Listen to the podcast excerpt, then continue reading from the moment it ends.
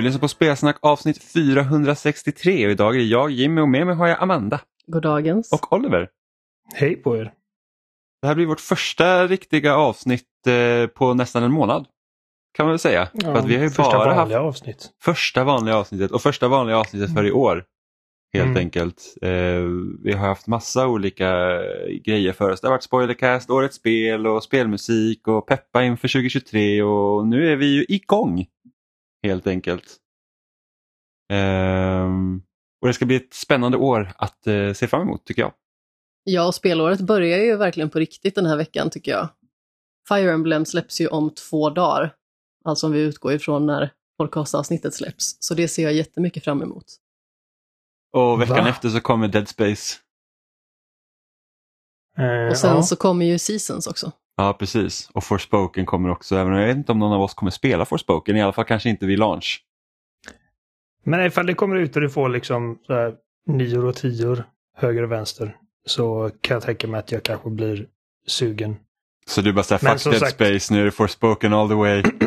nej, nej, nej, nej. Dead Space går först, men Forspoken släpps före. Ja men det är typ två Eh, dagar innan. Ja, men då har man Forspoken i två dagar. Och så är man klar med Dead Space på två dagar och sen kan man gå tillbaka till Forspoken. Men, men, men jag tror faktiskt inte att det blir något Forspoken för att jag... Eh, Som sagt, den här demon lämnade mig inte direkt jättesugen.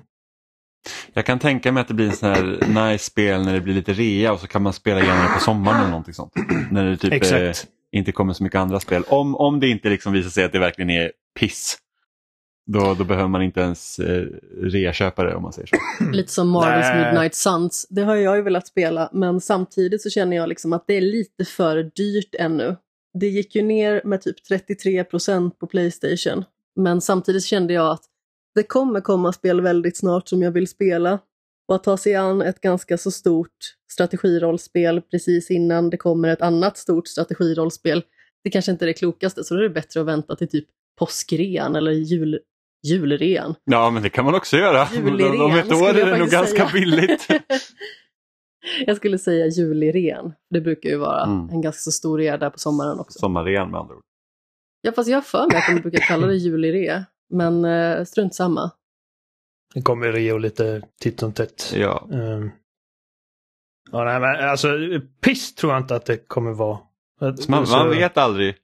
Man vet aldrig, men, men jag, är, jag är en optimist. Ja. Jag, men jag är ändå ganska fascinerad över den här, eh, och jag kan känna igen mig själv i det också, det här med att man, alltså spel som ändå har fått ganska mycket bass kring sig, även om de är sådär, så tänker man så här, ah, men jag väntar och köper det på ett rea, även om man kanske inte kommer tycka om det. Det ser jag typ också när vi liksom diskuterar i redaktionschatten, det är typ så här att ah, det här är ett spel som inte är jättebra, men då bara så här, ah, men jag köper det nog på rea någon gång. Och så här, bara, och jag, och jag, jag kan också vara likadan, jag har, typ köpt, jag har ju till exempel Far Cry 5 och sen ibland när Far Cry 6 har varit på rea, så bara, ah, men ska man köpa Far Cry 6 även om jag säger att jag är inte jätteförtjust i Far Cry längre. Liksom. Jag tyckte trean var bra men inget annat. Eh, liksom så här, eh, som att åh, jag måste spela det. Eh, och Jag undrar bara varför man gör så. För det finns ju så mycket spel man kan spela hellre som är också bättre. Jag gör nog inte så. Jag har blivit ganska, eh, ska man säga, selektiv. Med vad jag köper. Jag tror aldrig att jag spelat så få nya spel som förra året. Nej. Du spelar om Så- alla andra spel istället. Jag tror att... eh, Du bara, ja, jag körde jag- Red Dead Redemption 2 tre gånger back to back. Nej, inte tre gånger, men jag spelade någon gång. Fast den genomspelningen var utdragen på eh, två år. Så att, Mm.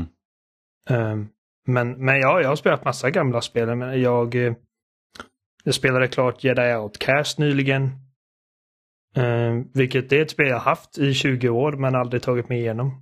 Det är fan svårt. Ja, men de gamla Star Wars-spelen var skitsvåra. Ja, ja, men det är Alltså- in, inte bara liksom att, att det är svårt, liksom att man dör ofta och att det är dåligt med checkpoints. Nu, nu kan man inte skylla på det för att man har quick save, men, men det är svårt att veta vad fan man ska göra. Alltså. Och det är Mm. därför jag inte kom någon vart i det spelet när jag var 13. Ehm, för att Nej. alltså, med, än idag, liksom, efter liksom, decennier av så här, gaming literacy, så får jag ändå googla typ på varenda hela bana. Finns det någon, något ställe där jag bara, jag har ingen aning om vad jag ska göra.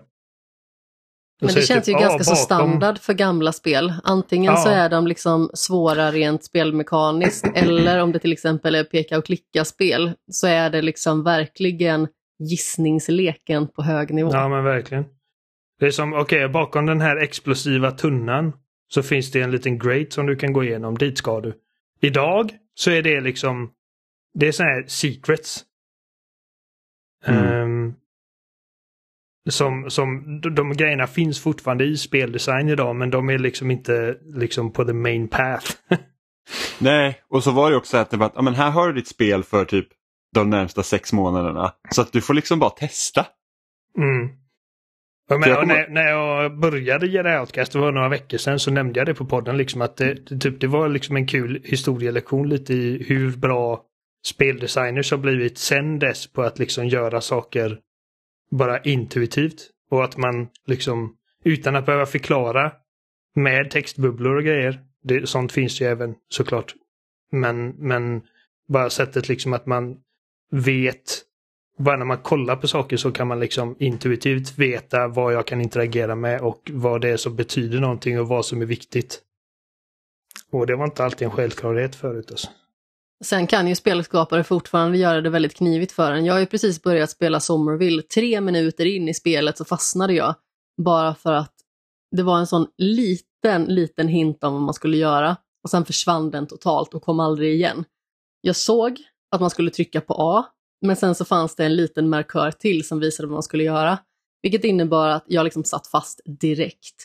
Och sen så var det bara några minuter senare så fastnade jag igen för att då visade det sig att man skulle lämna huset, gå till hundkojan för att hämta hundens matskål och sen gå in. Visst, för typ 20 år sedan då kanske man utforskar alla de möjligheterna. Men jag tänkte liksom att om man är i ett hus som är ganska så stängt ändå till ytan, då förväntar jag mig kanske inte att man ska gå utanför det. Och i synnerhet inte när man går ner i källan och det verkar som att man faktiskt ska gå ner i källan. Ja, det var verkligen så riktigt störigt för att det kändes liksom ologiskt för ett spel att göra så. Alltså jag kan ändå förstå själva tanken med det, men samtidigt så kändes det alltså lite avlägset på något sätt. Det känns ja, inte så, som att sånt... de olika momenten som man gör går sömlöst in i varandra. Sånt existerar ju fortfarande i speldesign givetvis, men det är liksom inte normen längre på samma sätt. Att, eh, Absolut inte. Det, alltså, ditt genomsnittliga liksom, spel idag går liksom att ta sig igenom och helt okej. Okay. I alla fall. Men vi har grejer som Dark Souls som är liksom medvetet obskyra, inte obskyra, men, eh, men kluriga och eh, diffusa. Um, men som sagt, det är alltså, ditt genomsnittliga spel liksom förstår man. Eh, vad som förväntas av dig. Det hade varit kul att veta liksom så här, alltså speldesigners från tidigt 2000-tal.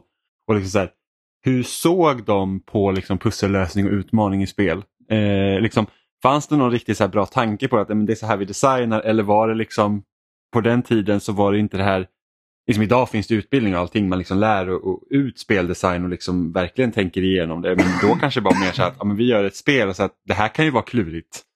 Ja, precis. Um, och man har speltestare i mycket större utsträckning och fokusgrupper mm. och man har uh, och också givetvis en liksom längre historia av spel att titta tillbaka på. Liksom, vad var det som funkar med när de gjorde detta? Mm. Eh, och vad vill vi förbättra och vad vill vi innovera i? Jag tror alltså mycket av, liksom, alltså om man kollar på typ, eh, typen av spel som Jedi Outcast är, som är liksom, ehm, um, kan man säga, liksom ett actionspel. Uh, det börjar som en first person shooter, man får inte sin ljussabel förrän ett tag in. Så att det är ju både tredje person och första person på det stora hela, men det börjar som en first person shooter. Och det är liksom väldigt stöpt i liksom old school Doom-mallen när det kommer till bandesign. Liksom mm. att du har liksom den här stora banan och eh, det är liksom avstängt på olika sätt och det finns nycklar och det finns hemliga gångar du måste ta dig igenom. Um, hissar och så ja. Nej men så att uh, väldigt lite, eller väldigt lite, men jag, jag, jag, tror ändå att jag köpte fler spel förra året än vad din genomsnittliga eh, spelintresserad gör. Um, eftersom att spel är så jävla stort idag så att nästan alla spelar. Men um, mindre än vad jag brukade. Och det, det har väl också att göra med att man har mindre tid än vad man hade för tio år sedan. Mm. Jag spelade betydligt liksom... mindre förra året. Jag eh, brukar ju skriva liksom listor på vad jag har spelat och liksom inom citationstecken klarat. Och klara kan ju vara väldigt subjektivt. Det kan ju liksom vara att man har spelat en sådan mängd av ett spel så att man känner liksom sig klar. Till exempel Fall Guys. Spelar man liksom 100 timmar på ett år, då känner man sig ändå liksom som att men då är man klar med det. Även att det är ett ja. spel som inte har ett slut på något sätt. Eh, och sen så kan det liksom vara att ett spel, där känner man sig klar med spelet efter att man har spelat fem genomspelningar. Men man har sett eftertexterna. Mm. Så det kan ju vara väldigt olika, men spelen som jag ansåg klara år 2021 var 50 stycken till antalet. Förra året, 2022, var de 30. Ganska så stor skillnad. Mm, alltså jag, jag håller inte koll på hur många spel jag klarar för att jag skriver bara ner vilka nya spel från, för det året som jag spelar. Och då, då, då skriver jag ner det även om jag bara har köpt det och spelat det i liksom fem minuter. Bara för att jag ska mot slutet av året kunna ha liksom en överblick. Okej, okay, där är liksom när vi snackar om årets spel på spelsnack. Så här är en lista på grejer jag spelat. Så jag, jag skriver inte ner vad jag, liksom allting jag spelar under året. För att jag spelar om så jävla mycket grejer. Um, och... Uh, men alltså, jag har jättemånga timmar Devil May Cry 5 i år igen. Um, men... Um, men i år känner jag alltså, för att jag brukar, det, på, på Spelsnack har vi liksom att vi, vi tar upp varsin, så här, det här är mitt favoritspel i år. Och för mig blev det efter, alltså jag hade jättesvårt att bestämma men det blev Elden Ring till slut. Och så har jag liksom på typ Twitter och Instagram brukar jag bara lägga upp, varje år så brukar jag bara lägga upp liksom ett inlägg. Här är mina liksom fem favoritspel i år i, i ordningen jag spelar dem eller i ordningen de släpptes eller någonting. Så att, liksom bara för att göra det enkelt för mig. Men i år känner jag bara, jag tror det blir en topp tre i år för att jag kan inte peta in fem spel som jag känner liksom att åh, det här är mina favoritspel. Mm. Ja, då Elden Ring, God of War och? Sifu. Ah. Och ifall jag hade gjort det till en fem, eh, femma. Så liksom när, när min första liksom så här typ topp fem-lista som jag hade så var det God of War, Elden Ring, Sifu och Horizon och Plague Tale. Men jag känner att Horizon och Plague Tale är inte liksom i närheten av de andra tre spelen. Så de, de känns, i alla fall för mig, behöver poängteras. uh, men för, så att det var liksom två spel som jag hade väldigt kul med när jag spelade dem och som jag var liksom imponerad av i olika uh, avseenden. Men som, jag menar, jag, jag kommer... Jag minns nästan ingenting av Horizon. Och uh, Plague, Plague börjar liksom falla lite i bakhuvudet också. Um, medans jag kan liksom se hela resan framför mig, både Elden Ring och God of War och i Sifu. De, liksom, det är tre spel som jag fortfarande tänker på. Och det är bara de tre spelen i år som jag spelar som jag fortfarande tänker på. Så att eh, det blir nog en topp tre för mig i år. När vi hade gått halvvägs igenom förra året så hade jag ju typ tre spel på min topp fem-lista för att jag kände att det fanns typ inga andra spel som var värdiga att komma in på den. När vi gick i mål för det här året, då hade jag åtta spel som jag nog hade kunnat sätta på en topp fem-lista. Mm. Mm. Ja, men hösten jag... tog verkligen fart på liksom, släppschemat och allting för det var, det var väldigt lugnt där ett tag. Liksom, efter Elden ring sen så var det väldigt liksom eh, alltså det blev en ganska lugn takt efter det på liksom spel som eh, folk samlades omkring även om det kom bra spel såklart. Men det var liksom inte den här farten som, som början av året hade. Och sen så när hösten kom sen så drakade det loss ordentligt. Ja. Från augusti skulle jag säga så fanns det ganska så många bra spel och framförallt spel som man liksom inte hann ta sig an ens. Mm. Jag menar alltså, när jag säger att jag bara har liksom en topp tre idag betyder inte det att åh, allt, allt annat jag spelar var PES. Så är det ju inte. Det, alltså, jag har spelat jättemycket bra. Jag, jag tyckte... jag är fortfarande lite sjuk som ni hör. Um, Metal Hellsinger hade jag jätteroligt med. Um, Mm. Jag hade jättekul med Gran Turismo 7 ett tag. Um, det, ja, nej, det, det, det, det, är, som sagt det är en lista med bra spel, men när, liksom, när jag ska sätta det som att det här är mina tre favoritspel det här året, så, eller fem favoritspel, då, liksom, då ska de vara liksom i en viss klass och eh, det var bara tre. Ja, men jag förstår dig. Alltså hade man kollat på första halvåret för mig, vilket spel skulle jag ha petat in där bakom? Så Pokémon Legends Arceus eller Triangle Strategy. Det är ju spel som jag liksom känner inte hör hemma på en topp fem. Nej, alltså även om det ända är in i liksom att- benmärgen. Precis, även om det är att okej, men, men efter, om vi säger typ efter Sifu, så är liksom det spelet jag hade mest kul med, kanske är Horizon, men det är ändå liksom, då blir liksom, uh, om jag bara hade spelat, vi säger att om, om jag bara hade spelat Elden Ring, God of War och Sifu och sen Call of Duty Modern Warfare 2 och så blir det, blir det liksom att okej, då är det per automatik att Call of Duty är liksom på den här topp 5 och det, det, det känns inte rätt liksom. För Eh. egen del så hade jag ju liksom en kamp med min lista i slutet. För att det bar mig Ja, jättemycket emot att putta ut både God of War Ragnarök och Two Point Campus. Ja. Ja, det, det var svårt för mig att putta bort God of War för Elden Ring. Ehm.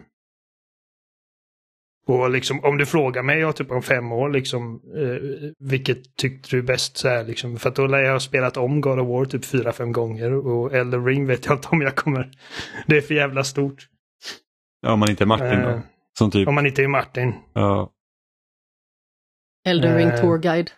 Mm. Ja, Jag är svårt att spela om spel överlag. Alltså bara sådär liksom att nu spelar jag det här, tyckte om det så mycket och så börjar man om på en gång och så kör man liksom det här typ i flera månader liksom bara om och om igen. Det är...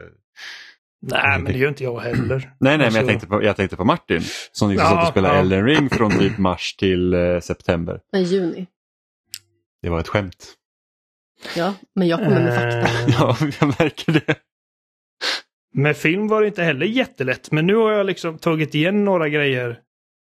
Ehm, som jag har sett The Menu nu, såg vi igår. Åh, Mm, den är bra. Jag tyckte den var jättebra. den var fantastisk. Eh, och, så att den är definitivt på eh, liksom, min topp fem. Och eh, jag såg The Outfit som jag inte hade hört talas om, vilket jag, jag, jag älskar Mark Rylance och den var jättebra. Eh, det enda som grämer mig och det som håller mig från att liksom lägga ut min så här, det här är mina fem favoritfilmer, är att Banshees of Inisherin, eh, jag vet inte om man uttalar det, In Ines- Sharon. Inisherin, den har svensk premiär i slutet av januari. Eh, Den fin- om du har VPN så kan du se den på Disney Plus. Disney Plus om du byter till Storbritannien. Jaha. Det var så vi såg den. Vi kan säga som så att om du får för dig att fixa det den vägen Oliver, ta chansen. För att det var verkligen en fantastisk film. Det sjukaste med Dis- alltså- alltså, alltså det sjukaste bara med The Banshees of Inisherin när vi bytte till Storbritannien och såg den på Disney Plus där, den hade svenska undertexter. Så att den liksom Sjukt. är ju preppad förmodligen för att liksom släppas på fler ställen. Vad den. Alltså, Men det är förmodligen min- för att den fortfarande går på bio här. Går den på bio här? Hade inte den premiär först Nej, i den har premiär mars? i slutet av januari nu. Ja, fast jag är ganska så säker på att jag har sett att den har gått på bio i Göteborg. Den gick- Eller? Den, den gick på en filmfestival i Stockholm enligt IMDB i september tror jag. Aha. Eh, men jag om man tyckte går att in jag såg den. Jag tyckte jag såg den i den appen, att den liksom hade haft premiär. Hmm. Det kan hända att det är någon så här galavis. Ibland så har de någon så här visning typ en kväll. Ja, någon månad i Filmstaden har de 27 januari premiär. Ah, Så att Okej, min jag trodde du menade varit- att det var Disney Plus den kom till den 27 januari. Nej, nej, nej, nej. bio. Uh, så att min plan har varit att ja, men jag går och ser den på bio den 27 januari och sen retroaktivt lägger jag in den på min, eftersom att det tekniskt sett är en 2022-film, förutom i Sverige. För att alltså, Martin McDonough är, alltså jag älskar den regissören och, uh, och In Bruges är typ en av mina favoritfilmer från, från första, alltså 10-talet, 2010-talet. Ja, samma här. Och eh, liksom, bara, bara när jag såg att, ja, Brendan Gleeson och Colin Farrell eh, tillbaka med Martin McDonough i en liksom irländsk typ mörk komedi slash drama. Um, jag bara, alltså den är ju typ automatiskt liksom hetast det året. Och så kom den inte i år. Jag bara, fuck, det känns inte rätt att göra en liksom 2022-lista utan den. Men eh, se den på Disney Plus om du har VPN. Så här är grejen, jag vet inte hur jag får min VPN att fungera med min Apple TV i vardagsrummet. Eh, jag vet inte, vad är det för VPN du har? Eh, Express. Eh, Ah, Okej, okay. kolla på deras hemsida för ibland så har de liksom guider till hur man kan göra för att ändra sina enheter. Eh, hur såg ni den? man, eh, jag har, jag har eh, Surfshark men jag kopplar också in en dator till min TV. Ja. Men du ska kunna ändra din typ DNS-grej till en viss eh, IP eller DNS-server till en viss grej så kan du liksom lura systemet på så sätt också. Eh, Om jag men, är för dum för sånt. men det finns guider, du kan bara läsa så får du se om det om du får det att funka. Eh, men Mm. annars så har du ingen bärbar laptop eller någonting sånt. Jag har en Macbook. Ja men koppla in Macbooken till tvn. Så, bara, så blir bara tvn som en extra skärm så ser ni från Macbooken. Liksom. Det var så jag, jag har min Ja. bärbara dator kopplad till tvn så vi kollar där igen för Ja. det är enklast. Eh, och den var, och det Ja, fanns jag som sagt, kolla. det fanns svenska undertexter fanns också man behöver. Nej men inte, alltså jag, jag bara så här, jag bara fan jag har ju VPN och de här jävla filmerna finns ju liksom typ i USA finns ju massa filmer på streamingtjänster som inte vi kan se. eh, som Mm. liksom inte haft premiär här än. Så jag tänkte jag, men jag testar bara att googla så här, The Bench of Inisherin liksom stream. Eh, och då fick jag bara veta vart den fanns och sen så ändrade jag bara VPN efter det. Ja, precis. Och om man vill höra mer om film till exempel och tv-serier, och vi kommer ju prata om ännu mer spel också i skämshögen, så kommer ju Shame of the Year ganska så snart. Där jag och Jimmy sitter och eh, drar igenom liksom det bästa från 2022 enligt oss. Eh, och där kan man kanske få höra lite om The Banshees of Inisherin, om man har tur. Så eh, det kommer komma inom eh, den närmsta veckan förmodligen, eller kanske nästa. Men vi var ju inne och pratade lite om God of War innan och jag tänkte jag skulle dra tre stycken snabba som jag känner att jag retroaktivt behöver liksom gå tillbaka och pilla i. För att när vi hade det här spelmusik extravaganza avsnittet, då pratade vi om vad det var för instrument som de använde sig av i God of War. Och eh, Jimmy sa hurdy-gurdy och visste inte översättningen och jag gissade på att det var nyckelharpa. Det är Det nyckelharpan. stämmer inte. Nej, det är en vevlira. Jag har hört Bear McCreary specifikt säga nyckelharpa. I det På svenska. Ja, det, för att det har tydligen inte en, en engelsk eh, översättning. Ja, Okej, men då kanske det var det då. För att Eh, Jag har eh, sett båda. för hurdy-gurdy är vevlira. Eh, Ja, det är det. Så jag vill ju Eh. bara liksom, eh, ifall det är någon som lyssnar i efterhand och bara så här, hörni ni, ni, nu är ni helt fel på det. Så att, eh, då kände jag att jag ville i alla fall eh, påpeka det, att eh, jag har i alla fall googlat hurdy-gurdy och fått fram vevlira. Jo, Eh, men sen hurdy-gurdy är vevlare och det... Sen så var det också att eh, jag fick ett hjärnsläpp när vi pratade om Ringaren Notre Dame av någon anledning och eh, Frollo är ju domare i Disney-versionen. Däremot är han eh, ärkediakon, liksom, eh, om vi säger i eh, boken. Och sen angående förra veckans, Peppiga snack. ja men precis, angående eh, peppisoden liksom från förra veckan, där vi pratade om eh, 2023, liksom, vad vi ser fram emot. Då känner jag att jag vill ha en bubblare till mina bubblare. För att jag glömde att nämna Lorelei and the Laser Eyes som Simogo släpper i år förmodligen. Det ser ut som att det ska släppas i år. Så jag ville bara liksom peta in den och sen så känner jag att jag är klar och sen så kan vi gå vidare med våra liv. Ja, alltså det, det kan mycket vara att han använt både nyckelharpa och vevlira. Men jag vet att han liksom, för att när man, jag kollade på, vad säger behind the music, behind the scenes grej. Och han, och jag reagerade på det för han sa, and we, we used nyckelharpa och jag bara, wow, de har inte ett engelskt ord för nyckelharpa. Ja, okej. Okay. För jag gissade att det var nyckelharpa utifrån hur den liksom såg ut när man såg dem spela. Men eh, sen så tänkte jag att om Jimmy säger att det är en hurdy-gurdy så måste det ju vara rätt översättning. Sen så kanske de använder det liksom som någon form av samlingsnamn eller någonting. Det spelar i alla fall ingen jättestor roll, men jag ville bara peta in de där två rättelserna eh, som egentligen inte är så jätteviktiga och eh, sen eh, liksom ytterligare en liten mini-pepp för ett spel som jag kände glömdes bort helt och hållet. Mm, men eh, vi har ju faktiskt spelat lite spel eh, under tiden, eh, ja, under de senaste månaderna egentligen. Eh, och jag tänkte Amanda, du kan ju börja med, vad är I was a teenage ex-colonist för någonting?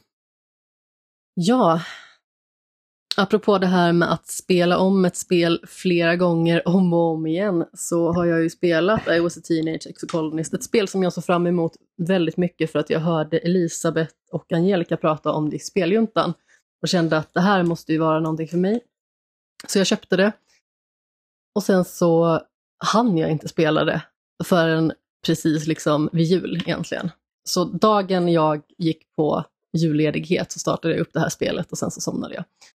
Eh, så spel, bra var det! det är ett fantastiskt spel. Eh, utan att säga för mycket om vilken position spelet har så är det definitivt på min topp 5 för 2022. I was a teenage ectocolonist handlar om en karaktär som man själv får namnge, som med sin familj och en hel, annan, eller en hel drös andra människor landar liksom på en ny planet.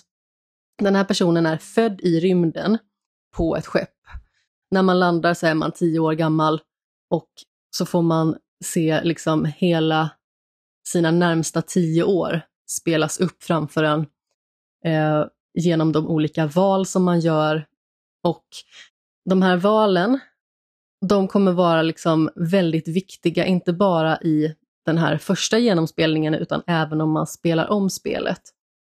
Så det är helt enkelt som följer att när man har landat på den här planeten och byggt upp den här kolonin så måste man naturligtvis se till att man gör liksom det bästa av situationen och att man ser till att man klara sig på planeten. Så man måste börja uträtta olika typer av sysslor. Man blir liksom en viktig del av själva ekosystemet. Och naturligtvis i och med att man är barn så studerar man ju också. Man tränar sig också fysiskt om man vill. Man kan liksom välja vilken väg man vill gå. Om man vill gå liksom rakt över och bli en ganska så generell person som är kanske lite halvbra på mycket saker, eller så kan man liksom specialisera sig, för det finns tre stycken olika kategorier då som man kan gå in på mer. Kanske vill man bli liksom den här mer vetenskapsbetonade personen, lite mer rationell. Kanske vill man vara den mer empatiska och omhändertagande som kanske fokuserar liksom mer på eh, hur man tar hand om sina nära och kära och dylikt. Eller så kanske man är mer den här stridspitten som fokuserar mer på att träna sig själv fysiskt och att försvara kolonin då när det kommer attackerande aliens. Olika varelser som helt enkelt eh, försöker att eh, förstöra kolonin.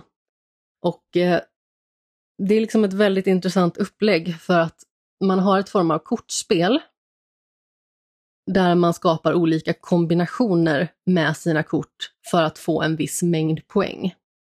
Eh, jag har hört det liksom liknas vid typ poker tidigare, så man ska liksom lägga upp fem stycken olika kort och sedan så ska man liksom få dem att matcha så väl som möjligt. Så eh, utifrån de här tre kategorierna så finns det ju olika färger.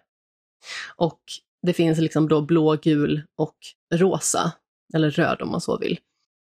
Och utifrån de korten så kan man matcha dem antingen liksom i eh, vad den har för färg eller vad den har för siffra till exempel. Och sedan så finns det liksom lite mer vilda kort som då är föränderliga och som man liksom kan lägga mellan dem så att de fortfarande kan lägga samman.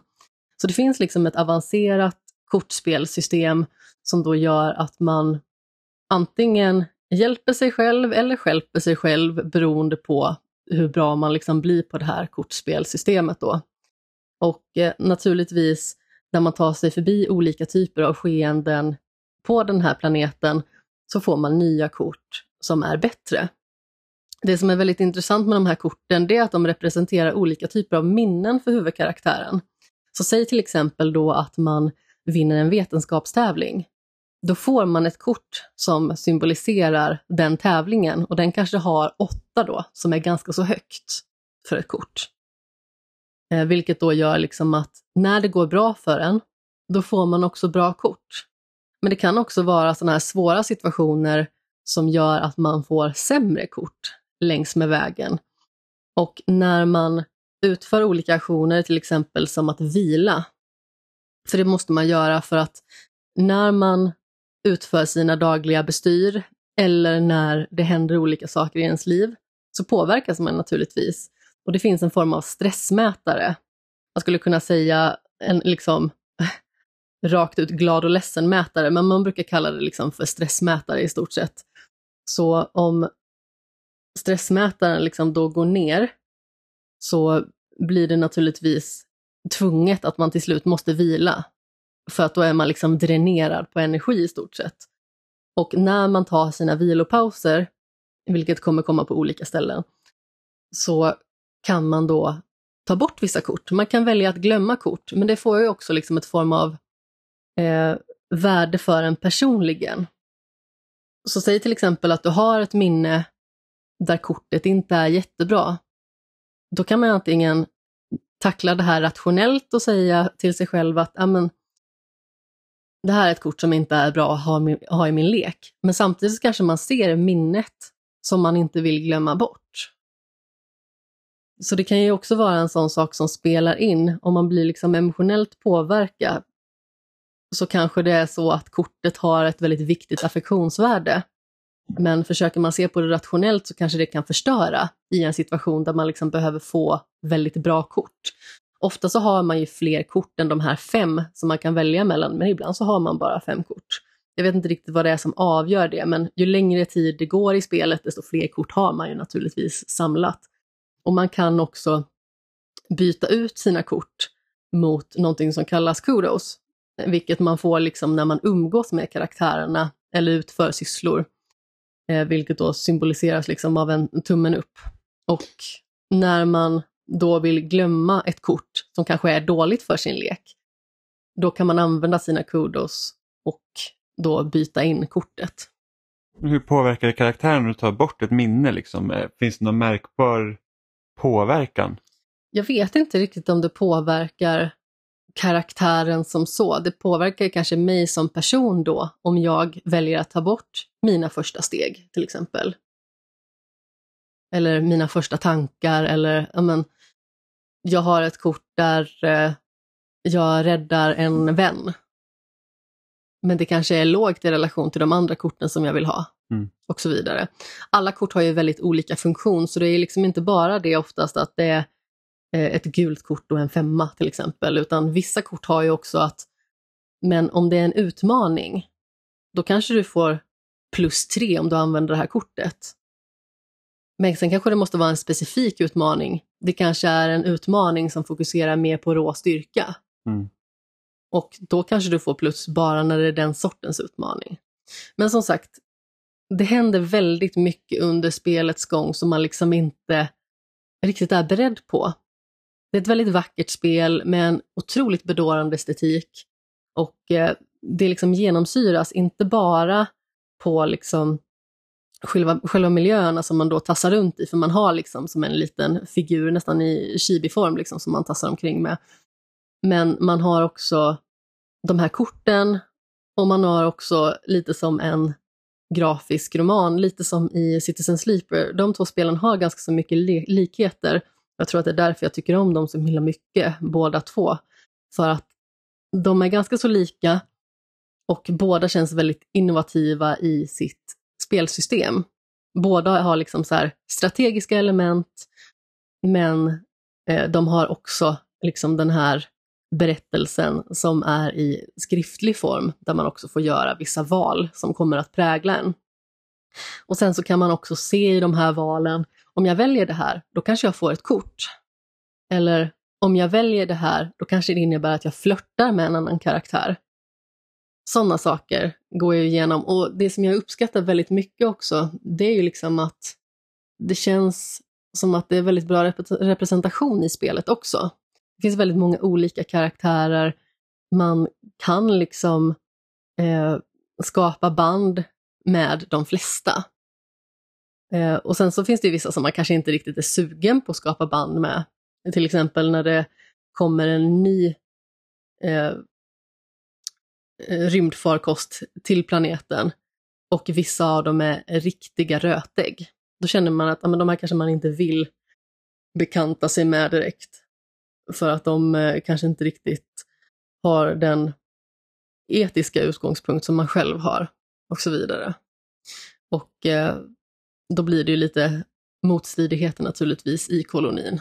Och det finns väldigt många olika val att ta, det finns väldigt många vägar att gå och därför har spelet också ett otroligt omspelningsvärde. Känner man liksom sådär att ja, men det här är min upplevelse, jag vill bara uppleva det en gång. Naturligtvis så är det också okej, okay men det finns ett väldigt stort värde i att spela om. För att när spelet är slut så står det i stort sett, vill du starta ett nytt liv? Och eh, jag gjorde faktiskt det direkt.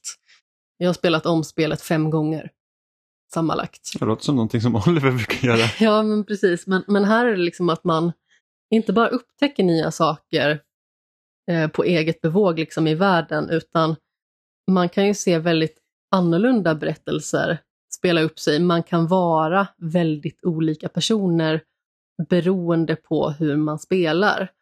Och framförallt så kan man liksom komma nära karaktärer på ett helt annat sätt om man liksom fokuserar på dem. Eh, så det uppskattar jag väldigt mycket och när man startar sitt nya liv då blir det nästan som att man får lite vanföreställningar. Så att man kan liksom säga till sina föräldrar att men jag känner igen det här från tidigare. Jag har sett det här förut. Och de tycker ju liksom att ja, men, du har fått för dåligt med sömn i stort sett, eller du har inte anpassat dig tillräckligt till planeten. Det är no någonting med dig som eh, gör att du kanske inte riktigt mår helt hundra just nu. Du kanske behöver vila upp dig lite. Men de här vanföreställningarna så att säga, de kommer spela en väldigt stor roll om man spelar spelet igen. Och som sagt, jag har spelat det fem gånger av olika anledningar. Och sen så har jag liksom eh, haft några speciella eh, sparpunkter, då, manuella sparningar som jag har återgått till för att liksom kanske maximera olika karaktärer eh, så att jag liksom får se vad som händer ifall man liksom blir jättebra vän med vissa personer och, och sådär. Eh, liksom som en sidogrej i stort sett bara för att få lite troféer också. Naturligtvis inbakat i det hela. Men också liksom se berättelsen som de bär med sig. Så om man gillar den här typen av spel som är lite långsammare, eh, som inte är liksom speliga på det sättet liksom att man hoppar, skjuter och eh, fäktas, typ. Så testa det här spelet för att det var verkligen ett spel som lämnade ett otroligt stort avtryck. Naturligtvis var det ju det sista spelet som jag spelade i fjol. Men när jul och nio år liksom var över, då gick jag tillbaka till spelet igen och spelade det tre gånger till. Så jag spelade det två gånger initialt. Sen så gick jag över till ett annat spel som vi kommer att prata om. Och sen så spelade jag tre gånger till. Plus lite till. Så jag kan inte berömma det här spelet nog och det är liksom bara en liten studio som har gjort det också. De har lyckats klämma in så himla mycket och så många olika infallsvinklar gällande liksom både sin egna karaktär och andra karaktärer och hur man liksom kan forma sin upplevelse otroligt mycket. Och sen samtidigt så är det roligt att spela. Jag tycker att de här kortspelsinteraktionerna är väldigt roliga. För det kan ju liksom vara så att ja, men du har en stor tävling som du ställs inför, som jag pratade om tidigare till exempel. Det finns liksom en årlig eh, festival skulle man kunna säga, eller liknande, där man kan tävla. Oavsett om det är i bakning eller i dans eller vad det nu kan vara, det får man välja själv. Eh, men då kanske det är en mer utmanande utmaning så att säga, i brist på bättre ord. Och då får man liksom kanske ett högre värde att möta med sina kort. Och då behöver man verkligen vara mer taktisk. Och i vissa fall så kan man till och med då använda stressen som ett sätt att vinna. Men är det för mycket stress som krävs för att man ska kunna vinna, eh, då går det inte att använda den biten. Så då måste man verkligen sitta och vrida och vända på varenda kort och försöka hitta lösningarna. Och ibland så löser man inte det. Så då kanske man får helt enkelt eh, starta om från föregående eh, sparpunkt. Jag tror inte jag har gjort det någon gång i och för sig, men man kan ju röra det i och med att den sparar precis innan interaktionen. Eller så får man helt enkelt leva med att man har förlorat. Så. Vilka plattformar finns spelet på? Jag tror att det finns på alla av de vanliga egentligen. Jag spelade det på Playstation 5. Men jag är ganska så säker på att det finns på åtminstone Steam. Jag tror att det finns på Switch också. Ja, det är nog eh, Xbox som det inte finns på. Så Switch och PC? Precis. Playstation, Playstation 5, Playstation 4, Nintendo Switch, Microsoft Windows, Linux, Mac OS. Mm. Kul. Och det verkar liksom som att det är specifikt en person som är så att säga konstruktör av spelet. Eh, utvecklare är Northway Games, men konstruktören är Sarah Northway. Så det verkar ju liksom som att det inte har varit så himla många som har varit involverade i det här projektet och eh, det är ännu mer imponerande. För att eh, jag kände så himla starkt för det här spelet. Och jag vet att eh, du märkte det också. Jag har försökt att få dig att spela det och du har sagt att jag kommer förmodligen aldrig spela Nej, jag kommer förmodligen aldrig spela det. Men till slut måste du ändå erkänna att du blev lite sugen Jimmy. Ja men alltså det blev jag sugen på redan när jag såg spelet första gången. Men det är så att nu har jag sett dig spela så himla mycket så då, då har jag i alla fall sett vad det är för någonting. Helt ja fast det är inte samma Nej, sak. Nej jag vet att det inte är samma sak. Men spelet. jag kommer... alltså, vissa spel kan jag ändå känna att det är okej okay att jag bara sitter bredvid. Det är inte precis som att jag känner att jag behöver spela Callisto Protocol. Nu var det ett spel som du tyckte illa om förvisso. Ja, men det borde ingen spela. Det känns ändå som ett spel som jag hade kunnat kanske spela det då ifall det skulle vara roligt rent spelmekaniskt. Men det känns inte som ett spel som jag måste spela. Men den här typen av spel som I was a teenage exocolonist är och även Citizen Sleeper liksom. Det känns som att det är väldigt mycket den egna upplevelsen som gör det. Och även om man liksom får, som jag, flera upplevelser, många upplevelser av spelet, eh, så känns det som att det ändå har bildat någon form av helhet som eh, är väldigt viktig för mig liksom, från förra året. Det är verkligen ett magnifikt spel och jag önskar att eh, fler hade spelat det. Mm. Roligt. Eh, lite annorlunda spel. Och kul att det var så bra att du tyckte om det så mycket. Ja, jag älskar det verkligen. Uh, Oliver, du hade spelat ett annat spel som också släpptes uh, förra året och det är ju Ghostwire Tokyo. Kan inte du berätta lite om det? Uh, jo, um, det är ju Tango Gameworks som gjorde Evil Within. Och deras nya spel. Och jag vet inte, jag, jag hade hoppats på Evil Within 3. Men vi fick detta och eh, jag tror att när vi såg gameplay första gången så kände vi, vad är detta? Det känns som en... Känns ja, som en liksom typ outlandish shooter mer än... Ja, någonting. eller typ inte bara shooter, man slogs väl? Alltså var inte mer åt brawlerhållet nästan? Nej. Eller ja, det kanske såg ut så då. Ja, men, det såg men... ut så för att jag tror att det var mycket så här typ man slogs snarare än sköt. I realiteten är det mer av en shooter, bara mm. att du skjuter projektiler från dina händer. Um, ah, okay.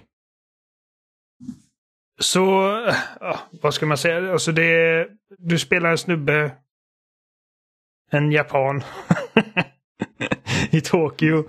och någonting händer, liksom typ en stor dimma sveper över staden och alla utom du typ dör och blir Ja. andar ungefär. Och du lyckas överleva för att en död ehm, vad ska man säga, detektiv eller en polis eh, tar över din kropp. Mm. Ehm, eller försöker ta över din kropp och du spretar emot. Så nu har du liksom en död polis i huvudet som säger åt dig vad du ska göra. Mm. Eh, och du, din syster ligger på sjukhus och är sjuk av någon anledning och någon skurk med typ... Eh, Är med inte sån här- systern också död då eller hur? Eh, det verkar inte så. Nej. Det är lite diffust får jag säga. Eh, hon blir i alla fall tagen av eh, den här snubben med eh, sån här liksom yokai-mask. Eh, så är säkert, det är säkert helt fel. Eh, yokai. Det är någon form av typ japansk tradition.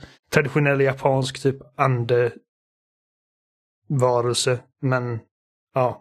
Alltså ja, maskerad eh, psykopat typ. Mm. Som eh, snackar om att han ska vara liksom allas eh, salvation och grejer men, men man ser liksom att ja, han, han, han vet inte vad han håller på med. Ehm. och sen då, liksom, alltså det ultimata målet är väl att man ska rädda sin syster för den här snubben. Eh, men på vägen dit så får man göra en massa sidouppdrag och eh, bli starkare och lära sig att eh, kontrollera de här typ spök eh, förmågorna man, man får. Man kan som sagt, man skjuter projektiler av olika element ur dina händer. Man börjar med vindelement. Men har man fått man- de här förmågorna på, alltså är det den här dimman man har fått de här förmågorna? Eller är det liksom att den här polisen har eh, bosatt sig i din skalle? Jag, jag tror att det är polisen som, som, Ja. som gör detta. Dimman är farlig. Så det är så, alltså det är, det är liksom ett typ ett open world-spel. Alltså tänk ungefär som Yakuza är ett open world-spel. Ja. Eh, där dimman då begränsar vart du kan gå till en början. Och allt eftersom att du typ klänsar eh, sådana här Tory gates så får du tillgång till mer. Mm. Och sen får du eldelementet som gör mer skada och kan pierca fiender men du har inte lika mycket ammo. Ehm. och så, alltså överallt finns det liksom så här typ själar till döda människor som, har liksom, som är suspended i midair. Som du då kan liksom absorbera med ditt, ditt, ditt lilla typ papper som du går runt med. Alltså det är väldigt, liksom, det linar verkligen in i liksom tradition, traditionell liksom japansk typ myt ja. och folklore. Um, Det låter rätt spännande. Ja, alltså eh, till en början, jag, jag kände att det var lite segt att komma in i. För att för det första, så, det är ett första personspel och det känns inte jättebra att liksom... Det finns typ ingen aim assist. Liksom, det, bara, det känns inte bra liksom. Nej. Eh, det känns klumpigt att, att sikta på fiender och eh, röra sig. Och det är liksom, jag vet inte om det är det här liksom med, med japanska första personspel att de ofta känns annorlunda från hur västerländska första personspel känns. Mm. Ehm. Men ehm, Alltså det, det är väldigt, eh, liksom, det, har- det har massor av style alltså. Det, det är Ja. verkligen, det har verkligen en egen ehm, stil. Inte en unik stil, för man kan liksom se, okej, det här, så Tory Gate som man har sett i typ hur många japanska spel som helst och det här påminner lite om det här och det här känns som detta och det finns liksom Eftersom, eftersom att det är så influerat av japansk folklore och mytologi eh, så har man ju sett mycket av liksom de här aspekterna i andra spel eftersom att det finns så många andra spel som också är inf- influerat av japansk mytologi såklart. Mm. Ehm, men det, som sagt, det har massor av style och det, det, det, det gör väldigt mycket eh, kreativa grejer visuellt för att liksom vända upp och ner på dina miljöer. Liksom så här lite Inception-känsla över det ibland. Ehm, och jag tycker att animationsarbetet är jättesnyggt. Alltså, när, liksom, jag har alltid gillat det med typ eh, alla som har spelat Overwatch och spelat sin hjärta, liksom hur animerade hans händer är. Mm. Eh, det är lite samma grej här liksom och hur han använder sin lilla typ Ghost Wire för att liksom eh, sätta sig fast i, ett, i en fiendes liksom exponerade själ och att man då liksom sliter den ur den och liksom det, det typ, man spänner den här liksom tråden man har mellan händerna och man, så många coola handgester och grejer som händer. Mm. Um, och uh, finns liksom ett stort skill tree med, med nya grejer att låsa upp och du kan liksom enterhaka dig upp till uh, Alltså det ser nästan ut som typ spökfåglar som man tar, tar sig upp och så är det liksom på hustaken finns det ännu mer så här själar och grejer. För, alltså det är... Jag tror att jag har inte spelat mer än kanske tre, fyra timmar. Mm. Och som jag förstår det så är det ett ganska stort spel.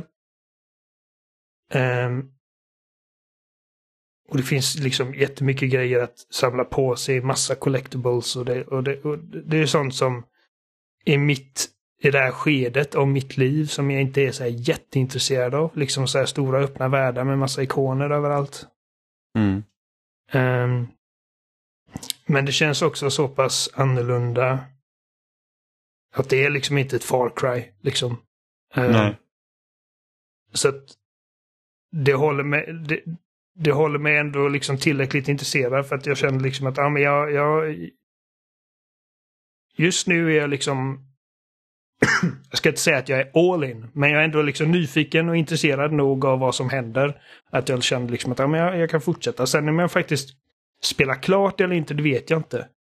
Um, för att... Uh, um, jag menar, Evil Within är ju mycket mer den typen av spel som jag älskar. Liksom så här survival horror.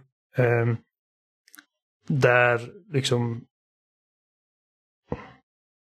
ja, ni vet, ni vet vilken typ av spel jag snackar Mm. om. Liksom Resident Evil-mallen lite. Ja, lite actionskräck liksom. Ja, precis. Och detta är, eh, jag menar alltså det har ju väldigt mycket creepy liksom bildspråk. Liksom att de här typ spökena som är fiender, de, här, de ser lite creepy ut. De ser ungefär ut som Slenderman. Kostymklädda, blanka ansikten med paraplyer av någon anledning. Mm. Eh, De använder paraplyer som sköldar typ. Och vi har så här liksom små japanska skolflickor. Eller snarare. Alltså själva kroppen är liksom. De har ingen kropp. Man bara ser den här liksom sk- skoluniformen springa upp mot dig. Mm. Eh, ja, men, det är inte läskigt liksom? Utan Nej, det är nej, mer obehagligt då? Amanda hade lätt kunnat spela detta. Det, det är liksom, tänk typ. Jag ska inte säga Buffy the Vampire, Vampire Slayer för att det är väldigt liksom eh, komiskt också. Um, Mm.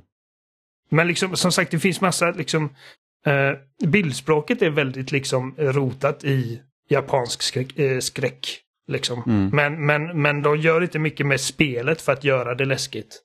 Ja, okej. Eh, Det finns liksom inga jump scares. Det, de, de, alltså de, bara, de, bara, de här spökena bara existerar på de här gatorna i Tokyo.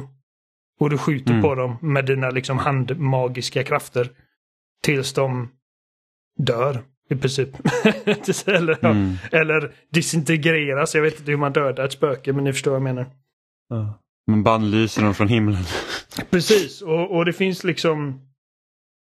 Det finns en main path men det finns också massor av sidouppdrag och då, då är det ofta liksom typ någon form av ande som har liksom någonting ouppklarat. Så att de inte kan gå vidare. Mm. Och eh, så vid något tillfälle var det ehm, någon gammal så här typ hoarder. Som, som hemsökte liksom sitt hus och man gick in och det var liksom så här skräpigt överallt. Och då fick man gå runt och leta efter liksom det här föremålet. Som den här anden var fast i så fick man liksom göra en liten snabb exorcism. Och ja, det, det, den typen av grejer. Ehm, Mm. och eh, man levlar upp och man liksom får skill points att låsa upp nya grejer som... Ja, nu kan du... Eh, liksom skjuta snabbare eller dina uppladdade krafter eh, eller uppladdade attacker gör mer skada eller du kan typ sväva i luften längre.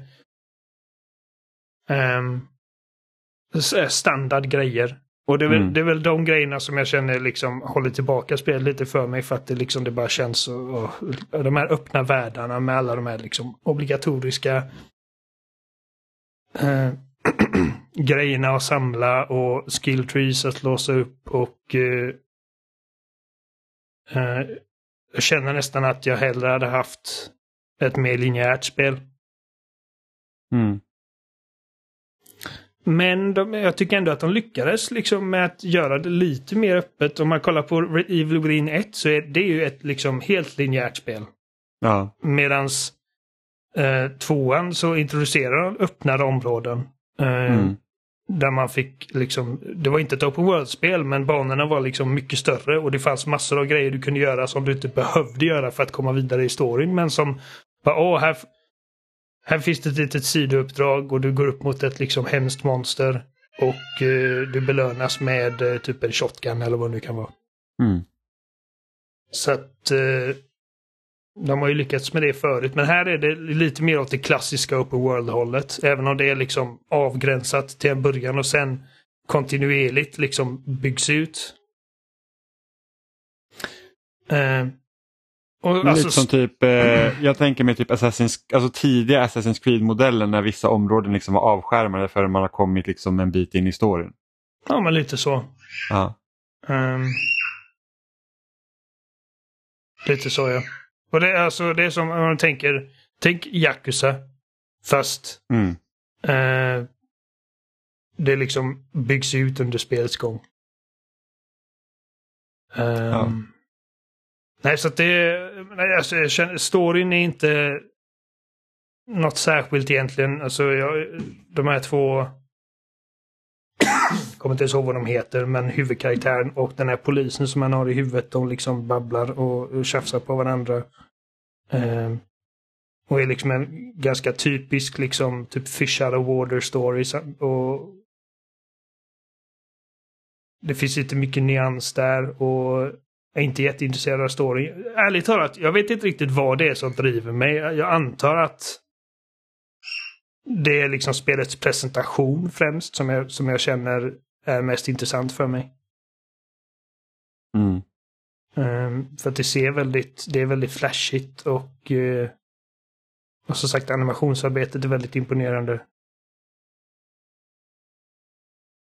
Nej, så att, uh, ja, ifall, ifall du gillar uh, första persons action och liksom lite creepy imagery. Och framförallt då om du gillar Japan, japansk kultur. Så kan det här vara någonting för dig. Mm. Eh, för att det är väldigt japanskt. Ja, det är nog ett till spel jag inte kommer spela. Jag hade nog inte, men alltså, min plan var väl att okej okay, när det kommer på Game Pass så småningom så kommer jag i alla fall testa det. Men eh, nu, nu fick jag låna det av Adam. Mm. Och jag har inte så mycket annat för mig. Alltså just nu så har det varit väldigt lite, eller haft väldigt lite lust att spela egentligen. Um, men eh, ja, detta har jag spelat liksom lite grann då och då och uh, just nu känns det helt okej. Okay. Mm. Ja men uh, ja, så kan det vara. Um, vi har ju också spelat en ganska stor hit från förra året som egentligen gick oss förbi ganska mycket eh, fram till nu under julledigheten. Trots att Stefan skickade till oss en miljard gånger om det här spelet och vi bara ignorerade. Ja, ja men det är så att det finns hur många spel som helst att spela. Eh, men vi har ju spelat Vampire Survivors. Eh, som egentligen är Alltså man ska kunna kalla det typ en shoot em up blandat med en twin stick shooter. Det är bara att du använder bara en av stickorna för att du din karaktär gör sina attacker automatiskt men du styr karaktären på banan. Eh, och ja, det, det, är ett 2D-spel så ser det liksom uppifrån egentligen kan man säga. Och, och det kommer typ alltså, tusentals fiender och du levlar upp du väljer nya vapen som liksom slumpas fram egentligen åt dig ur liksom en arsenal. och sen uppgraderar du dem och så väljer du supportgrejer och du kan ha upp till sex stycken vapen samtidigt, sex stycken supportgrejer samtidigt och sen så kan de kombineras med varandra för att skapa nya eh, typer av vapen och sen är målet att du ska klara dig en halvtimme innan döden kommer och äter upp dig i princip. Eh, och, och, Jag har ju varit jag har ju vetat om det här spelet och folk har pratat om det. Det, blir liksom, alltså det är ett av de mest spelade spelen på Steam Deck. Just för att det är liksom ett, ett väldigt enkelt pick up and play. Och det är väldigt billigt. Jag tror det, med, det har varit free to play och nu kostar det typ 3 dollar eller någonting sånt på Steam. Och det finns på Game Pass. Och det finns på Game Pass också. Eh, det kom och det är gratis på mobil. Och på mobilen är det gratis ja. Och där kan man ju titta på ads och lite sådana grejer för att eh, typ revivas och grejer. Eh, och jag är liksom så här att det är inte riktigt den typen av spel som jag känner så här att oh, det här måste jag spela. Men folk sa att det var så bra så jag tänkte att jag testa. Och det är faktiskt jävligt roligt. Jag trodde också att det var enormt överskattat. Liksom. Men eh, det visade sig att jag hade jättefel. För att eh, vi pratade ju med Niklas Intorn i Skämshögen precis innan jul där. Och han sa ju att det var liksom jätteroligt och jag tänkte att, ja men okej då. Man får väl kanske ladda ner det och testa det då. Mm. Ja, men just också att det, liksom, det har lite det här roguelike elementen, det här med att du dör och sen börjar du om. Och det är väl liksom det tror jag också som gjort att man drar sig lite för att starta det för att det är inte alltid man... Alltså jag... Det finns vissa roguelike jag gillar men det är ingen genre jag hoppar på direkt för att jag liksom ibland känner man så att jag orkar inte göra om samma sak om och om igen. Men just det här med att man har den här timern egentligen på 30 minuter och sen så tjänar man då guld så man kan liksom köpa permanenta uppgraderingar mellan liksom rundorna gör ju att det liksom blir mer eller mindre en... Alltså det blir bara en rolig grej att spela när man inte har så mycket annat att göra. Och inte nog med liksom att man får uppgraderingar utan man får också nya karaktärer som man kan låsa upp för de här pengarna som man tjänar in på banorna. Så det känns ju som att man får någon form av progression däremellan. Lite som i Hades också. Även att det liksom inte har samma typ av progression och i det här spelet så är det liksom inte en berättelse som man får ta del av och som liksom nystas upp och man lär känna karaktärer i periferin liksom under vägens gång, utan här är det ju pur spelglädje och eh, det märks ju liksom att skaparen har ju vetat exakt hur man ska göra för att eh, ge spelaren en enorm kick mm. när man spelar spelet. Han har utvecklat kasinospel till eh, förut, så kan man precis. tänka sig Ja, man kan ju nästan tänka sig det liksom, när man ser alla liksom, vapen bara explodera på skärmen i stort sett och pengar spruta både hit och dit när man får de här kistorna. Eh, nej men alltså, precis som du sa tidigare, det är ju väldigt smuppigt. Och eh, man tassar omkring på den här skärmen och det blir ju liksom en ökning i svårighetsgrad hela tiden. Ja, det kommer, bara, det kommer gången... vara mer och mer fiender och de blir starkare och starkare och de tar mer skada på dig så det gäller ju att du har hittat din uppgraderingsväg. Liksom man, man, I början så testar man lite vad som helst, tips som happ. Liksom, och sen ju mer grejer du låser upp, mer vapen, du får mer eh, typ tillbehör så du kan börja liksom se vilka vapen som kombineras med vilka. Då kan man också utveckla liksom en strategi. Liksom att säga att okej, okay, men nu plockar jag upp det här vapnet. Vilken supportgrej behöver jag ha till det här vapnet för att kunna utveckla det? För att när man väl är i slutet då gäller det att ha x antal vapen uppgraderade annars liksom klarar man sig inte för det kommer så, alltså det är så sjukt mycket fiender så att du knappt ser din egen karaktär. Eh, min favorit är liksom så här, man, man, har liksom, man börjar med att man kastar knivar och sen när man utvecklar den så kan du i princip säga att du har en stor kulspruta som bara sprutar ut knivar. Eh, och ibland så man, liksom, man bara snurrar på stickan så att man liksom säger att jag måste bara hålla borta de här monstren så mycket som möjligt liksom bara för att klara sig. Så det, det, är, liksom, det är helt insane. Ja, men precis. Men första gången man startar igång det här spelet överhuvudtaget då har man en karaktär som har en piska och piskan går bara framåt. Vilket innebär att du måste gå mot de här fienderna. Det kommer ganska så få fiender. Det går ganska så långsamt. Och sen så tar det typ kanske fem stycken fiender som jag har för mig är fladdermössor där i början. Som ger en XP i form av, alltså det ser nästan ut som små rupis från eh, Zelda egentligen. Eh, det är liksom små ädelstenar som gör att man går upp i level och ju högre upp i level man kommer, desto fler olika typer av uppgraderingar får man naturligtvis. Och i början så tänker man ju liksom att äh, jag bara tar någonting. Eller framförallt så försöker man ju att uppgradera den här piskan.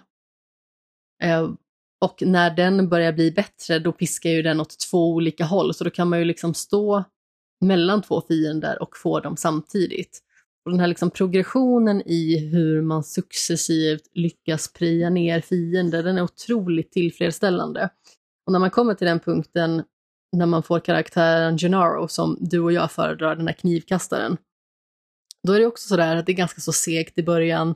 Du kastar några knivar, eh, han kastar i riktningen man går.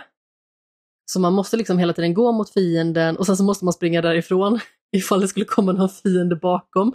Eh, så i början så är det ju väldigt segt och väldigt trögt och man tänker vad är det här? Och varför är det här så populärt? Men sen så eskalerar det ju. Fienderna blir fler, vapnen blir fler. Man märker också vilka vapen man själv tycker mycket om. Jag gillar ju framförallt att ha vitlöken. Vitlöken är en av mina absoluta favoriter. Det är helt enkelt att man i stort sett får som en skadlig sköld runt omkring sig. Alltså nästan typ som att man stinker. Du stinker vitlök mot fienderna och de dör. Eh, vilket är väldigt roligt. Och när man liksom har ultramaxat den här jävla vitlöken så att det liksom bara är som ett svart hål som slukar fiender, det är också otroligt tillfredsställande. Eh, då i kombination med kanske knivarna, eh, för jag kör nästan också uteslutande med den gubben, precis som du Jimmy. Och sedan så är ju fåglarna otroligt effektiva. Eh, sen så mm. finns det liksom några uppgraderingar till som blir till längs med vägen, till exempel att eh, när man har uppgraderat sina yxor maximalt så får man gigantiska liar som bara liksom så skär igenom fienderna som smör. Mm.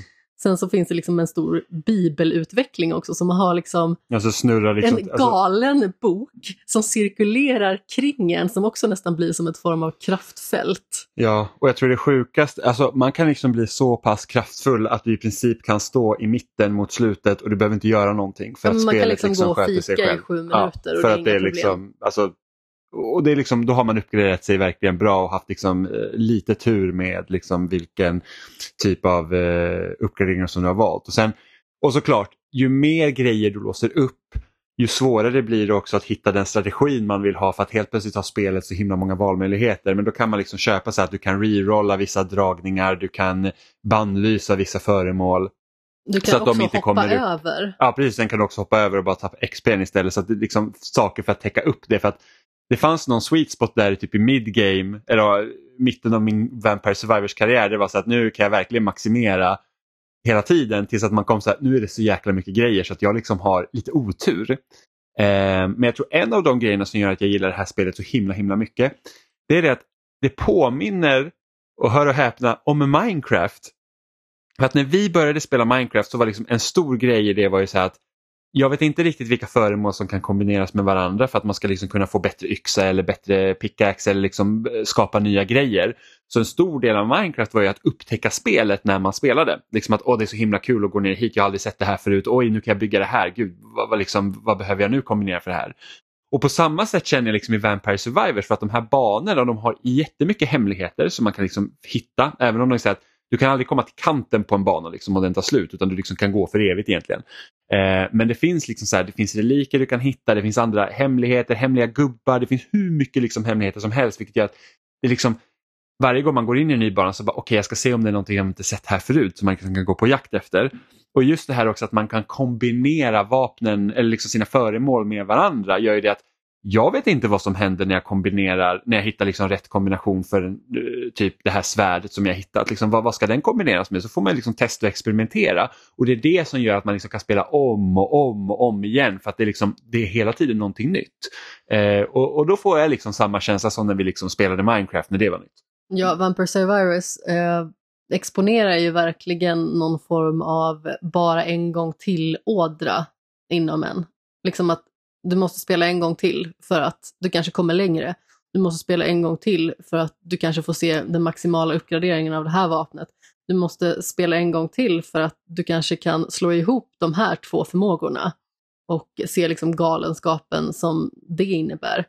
Eh, det finns ju några till liksom så favoriter som man låser upp efter ett tag. Det är en duplikator till exempel, vilket gör att alla vapen får dubbelt så mycket eh, projektiler. Vilket också blir helt galet i stort sett. Alltså det ser ju helt vilt ut. Mm. Och sen så finns det också en pentagramutveckling som inte bara innebär då som pentagrammet att man rensar hela skärmen utan den liksom eh, absorberar all XP som är runt omkring. Och det är så tillfredsställande när man liksom bara ser alla fiender bara försvinna bort och sen sugs XPn in till karaktären. Ja, det är lite som när man samlar muttrar i Ratchet Clank. Ja, det är så tillfredsställande. Det finns ju några sådana grejer som kan dyka upp på banan också. Vi har ju till exempel att man som vanligt har en hälsomätare men alltså blir man attackerad av fiender, eller attackerad, de går in i en. Det är inte precis som att de liksom står där och, och hugger en och att man kan parera och sådär, utan de går in i en. Ja, fienderna, du- fienderna har dig som utgångspunkt, de går alltid mot dig. Mm. Det spelar liksom ingen roll vad du gör utan de kommer alltid söka sig Men till precis, dig. de, de sugs Ja. till en liksom. Eh, och grejen med det, det är liksom att eh, man får ju liksom helt enkelt bara försöka att, eh, att, att mota bort dem och gå ifrån dem. Och de kommer ju fortfarande att eh, fortsätta gå mot dig. Jag kommer inte ihåg riktigt vad jag var på väg till för poäng egentligen innan eh, du eh, vek in där Jimmy. Men eh, det är väldigt tillfredsställande i alla fall när man liksom börjar skära igenom fienderna liksom som en jäkla smörkniv. När man liksom bara ser alla fiender i stort sett eh, gå upp i rök. Mm. Och just det att den här sista liksom, minuten är ju så kritisk för att är du inte tillräckligt stark då så, så klarar du inte. Det är många gånger man liksom förlorat på ja, 29-45. Då, det, då, liksom, då kan man inte hålla ut längre om man inte har uppgraderat tillräckligt bra. Ähm, då blir man ju faktiskt också otroligt sur i och med att håller du ut 30 minuter, eh, det finns några enstaka hemliga banor också som är 15, men utgångspunkten är ju 30. Håller man ut 29 och 47 och bara ser sin karaktär dö och man har liksom inte hunnit uppgradera att man får liksom återuppstå en gång, alltså då blir man ju tokig. Mm. Alltså det är liksom den känslan av förlust och av liksom hur man liksom har slösat de här 29 minuterna och 47 sekunderna. Alltså det är så påtagligt. Alltså man blir ju så trött. Det är ju väldigt sällan som man efter en sån runda liksom kan spela en runda till direkt. Eh, utan man måste liksom bara gå ifrån, eh, ta liksom en andningspaus, dricka lite vatten och bara så här, jaha, ja, det är väl bara att börja om igen från början då och hoppas att det går bättre nästa gång. Eh, nej, men ute på banan så får man ju eh, typ kycklingar till exempel som man plockar upp, vilket då genererar hälsa. Jag tror att det var hit var jag på väg innan. Men sen så kan man också plocka upp sådana här små absorberingspluppar, vilket gör då att XP kommer till en. Sen så kan man också plocka upp ett tidtagarur som gör liksom att alla fienderna stannar, vilket gör liksom att det är lättare att mula dem naturligtvis. Och sen slutligen så finns det också någon form av amulett som liksom gör att alla fiender typ dör i stort sett. Mm. Det ser ut lite som den här amuletten i Ringaren Notre Dame Ja, för att men- komma tillbaka till ett ämne som vi har pratat om Ja, men det tidigare. är typ det är typ ett halsband med ett kors på. Liksom. Ja, ja, men precis. Mm. Men det ser lite ut som den där eh, amuletten. Ja, jag minns inte vad hur amuletten såg ut i ringen. och sådär. Den är oval och sen Ja, ja, så det- är den eh, eh, mönstrad och sen så är det som, nästan som en liten karta på. Okej. Det är väldigt få tecken, men jag, jag tänker väldigt mycket på den amuletten när jag ser den där Mm. lilla pixliga saken.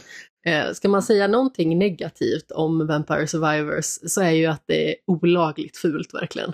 Ja, det ser ut som ett gammalt Castlevania-spel. Ja, fast det ser inte bara ut som ett gammalt Castlevania-spel. Det ser ut som ett fult gammalt Castlevania-spel. Ja, ja, men de första Castlevania-spelen var jävligt fula. Så, Fast det här är nog alltså fulare. typ om man tänker på så här Castlevania från Nintendo, det är ungefär den nivån känner jag. Ja, men sen så också, det, det växer ju på en. Det är nästan som att spelen tar en liten fånge. Så att man tänker ju till slut inte riktigt på hur fult det är. Nej, nej, men alltså det, och det är liksom, alltså, det är av en anledning. Det är ganska lätt att liksom se skillnader på fiender och sånt, förutom när de blir väldigt många. Då. Jag tror faktiskt att det här är någonting du hade kunnat gilla, Oliver. Om du hade gett det en chans. Jag har kollat upp det här när, eh, medan ni har pratat och det, mm, det ser bara ut som gröt.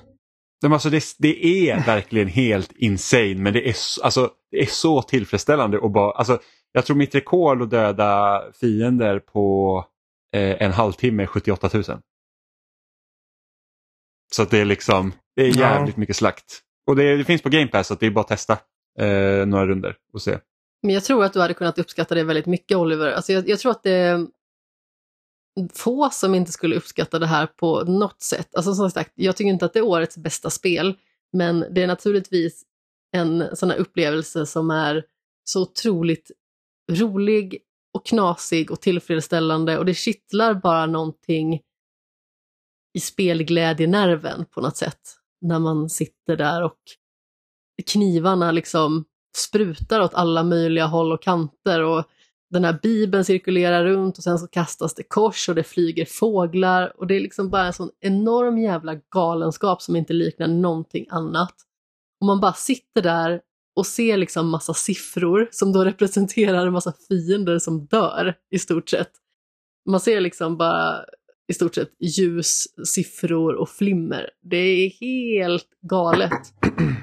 Kan också tilläggas att det finns en varning i början, tydligen, att om man är ljuskänslig eller till exempel då har epilepsi så borde man inte spela det här spelet. Och det visar sig att jag är mer ljuskänslig än vad jag trodde. Jag spelade bara det här under några dagar när vi var lediga. Och jag upptäckte liksom att jag mer och mer fick så jäkla ont i huvudet och jag vaknade med huvudvärk. Och jag tänkte bara så här, är jag på väg att få någon form av virus? Är det någon form av förkylning? Men det var förmodligen att eh, jag fick så jäkla ont i huvudet av att mina ögon kan inte hantera allting som händer på skärmen. Så nu spelar jag det i mindre doser istället. Eh, så jag har liksom en så här rekommenderad daglig dos av Vampire Survivors för att det är tydligen inte hälsosamt att sitta och spela det typ fem timmar i rad. Nej, Nej det, det kan vara lite jobbigt. Kan jag tänka mig. Ja, jag undrar om vi ska sätta punkt här för idag. Ja, alltså Ja. jag ber om ursäkt. Jag hade en sån jättelång utläggning innan om I was a teenage exocolonist. Men det känns som att jag har suttit och hållit på den så himla länge så det var liksom Ja, bara en form av precis. explosion av information som var tvungen att skitas ut. Du har ju velat eh, snacka om det i flera veckor nu så att eh, du är förlåten. Ja, och det är ingen annan som spelade i vår chatt heller. Jag bara så här, kan ni inte, kan ni inte spela det här så vi, kan, så vi kan prata om det? Och alla bara, nej, det här är ett Amanda-spel, ingen annan vill ta i det här. Ja, Jag kollade det upp det medan du pratade om det också och eh, du har nog rätt, det är ett Amanda-spel. Men det är lite lustigt för att vissa säger att det liksom är väldigt tydligt Amanda-spel och att det verkar som att det finns spel som mer är Amanda-spel. Men jag ser ju liksom inte mig själv som en person som har en typ. Och jag tror till och med att det var du som sa det Jimmy någon gång liksom att jag Ja, spelar men- väldigt varierat. Ja men så att du spelar väldigt varierat. Sen så kan man också se spel som man faktiskt ser att folk drar sig åt också. Alltså än mer. Alltså det kan ju säkert så att folk säger att det här är ett Jimmy-spel. Det kanske är att jag spelar väldigt mycket men det finns en viss typ av spel som jag gillar extra mycket. Gears of War. Men Gears of War gillar jag ju men jag, kan inte, jag spelar inte alla spel som är som Gears of War. Nej, Jag jag gillar Gears of. War specifikt. Eh, men liksom så här typ Ja, men vad, vad jag, brun- alltså typ Citizen Sleeper skulle kunna vara också ett Jimmy-spel till exempel. Ja. Eller typ så här, älska Hollow Knight, liksom bli helt tagen av det typ. Metroidvanias är Jimmys spel. Ja men exakt, så att det är samma sak som att Nej. Oliver har också, en, liksom Oliver spelar också väldigt mycket men han har också en viss typ av spel han gillar extra mycket. Ja, absolut. Och därav sp- eh, X-spel. Jo, jag vet. Jag blir bara liksom... Samtidigt som jag inte är överraskad så blir jag också överraskad. För det känns liksom som att inte jag har någon specifik typ. Jag är liksom den enda i redaktionen. Kanske inte den enda, men eh, den enda kanske i redaktionen av eh, väldigt få eh, anonyma andra som spelar Fifa till exempel och i vår vänskapskrets också. Ja ja men som sagt, alltså det är ju... Och det är ju Men- inget Amanda-spel. Men det känns inte som att du är passionerad av Fifa. Alltså, Jag spelade ganska så mycket för några år sedan. Men, Man kan eh, inte leva på gamla meriter. Nej, jag vet. Nej, men jag eh, orkar det- ja, men liksom inte det- riktigt längre. du får ju rätta mig om jag fel, men det känns inte som att ja, du brinner för Fifa liksom. Eh, Nej, jag har det ju sådana spel som inte jag riktigt. lägger jättemånga timmar på, men som inte är liksom det bästa jag vet. Men jag vet inte hur många timmar jag har lagt på eh, Jetpack Joyride. Alltså, Ja. måste vara typ Alltså- över tusen. Det är jätteroligt spel som de med varje uppdatering gjorde sämre och Ja, sämre. ja, det är värdelöst nu. Ja, det går liksom inte. För det var också här, typ, när jag var på semester eller man liksom åkte på tävling eller någonting sånt. Så bara så här, men jag spelar Jetpack Joyride i bilen eller när man väntar på någonting och sen så jag tror senast, inte när jag var utomlands i år, men det var någon annan semester för några år sedan och jag liksom tog upp det igen och jag bara så här, vad har de gjort? Det går ju inte att spela längre typ. Nej, det, så. det är hela röra. Ja, ehm, verkligen. Men, men, men som sagt, det, det, det, har jag massa timmar i, men det är ingenting jag brinner för och som jag bara, åh, det här vill jag liksom sjunga. I want to sing the praises of Jet, Jetpack Joyride på spelsnack liksom. Det, det är bara ett sånt spel som funkar och är kul. Mm. Ja, men att man slöspel. Lite som jag slöspelar Marvel Snap. Det är liksom mitt go-to ja. mobilspel nu för tiden. Och jag kan dra upp Tetris Effect eller uh, um, Geometry Wars i princip när som helst och sitta där och liksom vara fast en stund. Men det är också liksom inte den typen av spel som jag verkligen brinner för. Och som mm. jag blir excited över. Um, Fast Tetris Effect var jävligt nice även när man såg det första gången. Det var ju bara så här, ja, vad, vad, har ja, de gjort med Tetris? ja, jag spelade också religiöst under någon vecka mm. eller två. Eh, men nästa vecka blir det kul för då har vi Fire Emblem Engage som eh, har släppts och vi kan faktiskt prata om första avsnittet av Last of Us-serien som har premiär idag när vi mm. spelar in. Eh, det är därför vi inte hinner diskutera den här veckan. Men ja, det är imorgon något... i Sverige ja. när vi spelar in. Ja. Premiär imorgon. När vi ja, spelar. Natt. Men jag vet, jag vet inte om det kommer i natt. För att, alltså, jag, för att, så här. Jag och Jenny planerar att gå upp så här fem på morgonen. Innan ja. hon går till jobbet och kolla bara för att jag jobbar med sociala medier och jag vill inte bli spoilad på massa För att jag vet att folk kommer ha grejer att säga om det. Ja. Uh, och jag hoppas att, liksom, att det är en sån grej att det kommer ut tidigt på morgonen. Alltså har det samma timeslot som Game of Thrones då borde det vara typ 03.00 det släpps på HBO. Jag har för mig att det är något sånt eller men, fyra. Ja, men det är liksom, man kan inte veta säkert, det beror helt på när det sänds i USA också. Eh, men det borde vara någonstans där omkring så går ni upp fem imorgon bitti och vi ser Last of Us då borde ni kunna göra det. Ja, det låter ju märkligt annars. Men som sagt, det är ju den 16 i första då mm. För att Netflix, Netflix har ju någon gång uppdaterat typ 11 på förmiddagen till exempel. Eh, när det har kommit till Berkasalen och sånt. Så det, det, är lite olika. Eller jäkla SVT men På spåret, vad hände där några gånger?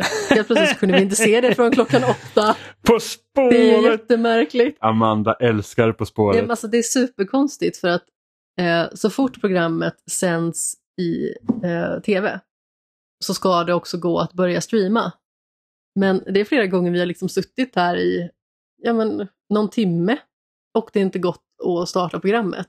Vilket är supermärkligt, även att det liksom ser ut som att det ska ha släppts. Mm, jag tror att det som mest här tror jag har gått här nästan 20 minuter, en halvtimme innan det går att streama det. För det har varit något tekniskt fel. Jag tror att det har gått längre tid. Nej, men alltså, vi gjorde så att vi, vi väntade inte en timme och se om det gick utan vi var så här, det funkar inte efter en kvart och så gick vi så såg vi något annat. Och så tog vi På spåret dagen efter. Eh, på men, spåret. Eh, ja. Amanda, du är en så... 90-åring i en 30-årings kropp. Det är inte. Ska höra vad ska höra hon säger kattskit. Det är kattexkrement. Uh, Gud. Så att, eh, ja. Uh, Jimmy retar mig för orimligheter. Nej, för att det är verkligen så. Så bara alla vet det här. Man bara, jo, alla kanske vet om det, men det är ingen som använder det. Jag kommer ihåg när vi var på bio en gång och ni bråkade om att för att Amanda ville absolut se uh, På spåret först medan Jimmy ville se uh, Rings of Power först. Amanda bara, jag kan inte bli spoilad av vem som vann På spåret. Och Jimmy bara, ja för Sagan om ringen kan inte bli spoilat. Men alltså, jag tycker inte riktigt att det är samma sak. Nej, jag tycker att Rings of Power är värre. Låt Absolut. mig prata till punkt nu Jimmy. Alltså grejen är att vi bråkade inte om det, vi, vi gnabbades om det. Ja, vill jag bara jag säga. Ska, för, ja, var, jag menar inte eh, det var nej, men liksom vi, dålig vi är väldigt stämning. obråkiga, vi är väldigt gnabbiga däremot. Eh, men eh, det som jag känner typ med På spåret till exempel, det är ju liksom att det är en tävling. Och så skulle man bli spoilad på att ja, men, de här två personerna vann den här veckans På spåret. Då känns det lite som att ja, men, avsnittet förlorar lite sitt syfte för man vill ju se liksom, spänningen som leder upp till vem som vinner, även att det är liksom roligt med resan också. Eh, men om man blir spoilad på någon liten detalj liksom i Rings of Power, då känner jag att det har liksom inte lika stor vikt för resten av avsnittet. Som att få, liksom få veta vem det är som har vunnit och vem det är som har förlorat. Jag håller det, finns verkligen inte med. jättestora, det finns jättestora spoilers man kan få. Visst är, är det en liten spoiler då är det ingen fara men det kan ju vara en Nej. hel reveal i slutet Men- av ett avsnitt som och- och jättestor skillnad. Och vad är, okej, jag, jag förstår att du inte vill bli spoilad på men vad är liksom mest troligt om man inte bor på ett ålderdomshem? Att, vara, att bli spoilad på? Liksom den nya typ heta serien eller På spåret? Definitivt På spåret. För att jag har varit Jag vet inte vad Amanda följer med på media men typ varenda amerikansk media de bara tweetar ut så fort avsnittet är klart då bara här var vad som hände och man så bara åh Men nej. klicka inte på det då. Men ibland så kommer ju bara bilder upp i flödet eller så är titeln Jag trodde du olycklig. sa till mig just nu att så fort På spåret är slut så kommer Aha, amerikansk nej, nej. media ut. Och jag bara, nej. Inte på spåret, det är Rings of Power. Ibland är det typ så här Polygon, de bara ah den här personen som dog och så får man se en bild Ja. på personen som faktiskt dör. Man så här, bara, bara, "Åh, den här veckans dödsfall och så, ja. Eller ja, Ja. nu Jo, vet vi vem Sauron är. på Facebook så är det ju liksom att man får olika typer av tidningsartiklar från till exempel Aftonbladet eller Expressen eller GP eller dylikt. Text-tv. Nej, Text-tv får jag inte, lugn nu. Men eh, eh, det går jätteofta förbi i eh, Facebookflödet. Och hade det inte varit så att jag hade sett avsnittet den kvällen det släpps, då hade risken varit ganska så stor att jag faktiskt hade blivit spoilad på det. Däremot så kan jag liksom inte nämna på rak arm någon gång jag har blivit spoilad på en tv-serie på Twitter. Varje avsnitt av Game of Thrones var fan minfält deluxe. Jag hade inga problem. Ja, men jag du- förstår liksom Jag vet inte vad du förföljer för lyckas. jag följer så många olika amerikanska mediehus att det är liksom det är omöjligt. Och sen så typ sen kommer typ Cliff Blesinski och bara så här så fort avsnittet slutar bara nu ska vi spoila skiten ur Game of Thrones. Man bara hallå, hejda dig! Men det beror på vilka krets, kretsar man rör sig i. Alltså jag, Ja. jag, jag har bara hört På spåret nämnas av Adam. Nej, Amanda skulle jag säga. Inte Adam. Amanda Ja, vi är ju ganska lika. och typ min pappa för typ 15 år sedan. Det är en riktig gubb och tant-tv det. Nej, det är det faktiskt inte. Alltså, grejen är att jag, jag skulle nog säga att det var det förr, men sen Christian Lok och Fredrik Lindström tog över så är det liksom en helt annan känsla. Jag vet att många kanske tyckte att det var bättre förr, men jag tror att just på grund av att de, två stycken svenska komiker, eh, snedstreck programledare, snedstreck språkvetare och så vidare, att de tog över, tror jag faktiskt eh, föryngrade liksom, eh, tv-publiken väldigt mycket och eh, gjorde så att det nådde ut till fler människor. Jag började ju inte se På spåret förrän de tog över, just för att det liksom var två stycken kända namn som jag uppskattade och eh, kände att eh, det var liksom programledare, snedstreck domare, som gav mig väldigt mycket och som jag alltid tyckte liksom var väldigt, väldigt roliga.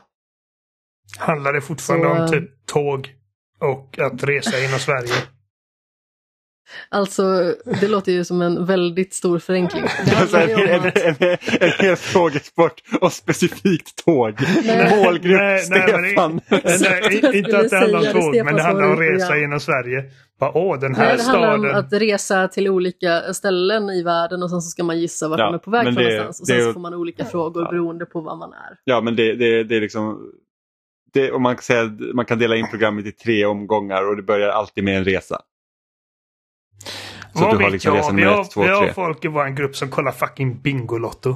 Så att... eh, Ja, det är inte Bingolotto okej, är lite alltså. förvånande måste jag ändå säga för att det är liksom så här att Bingolotto jag vet inte ens när Bingolotto sänds liksom normalt. Det finns ju inte på TV4 längre till exempel som var Bingolotto förr. Men liksom just den här uppesitta Bingolotto-kvällen som många i vår vänskapskrets satt på. Det var så här bara, jaha.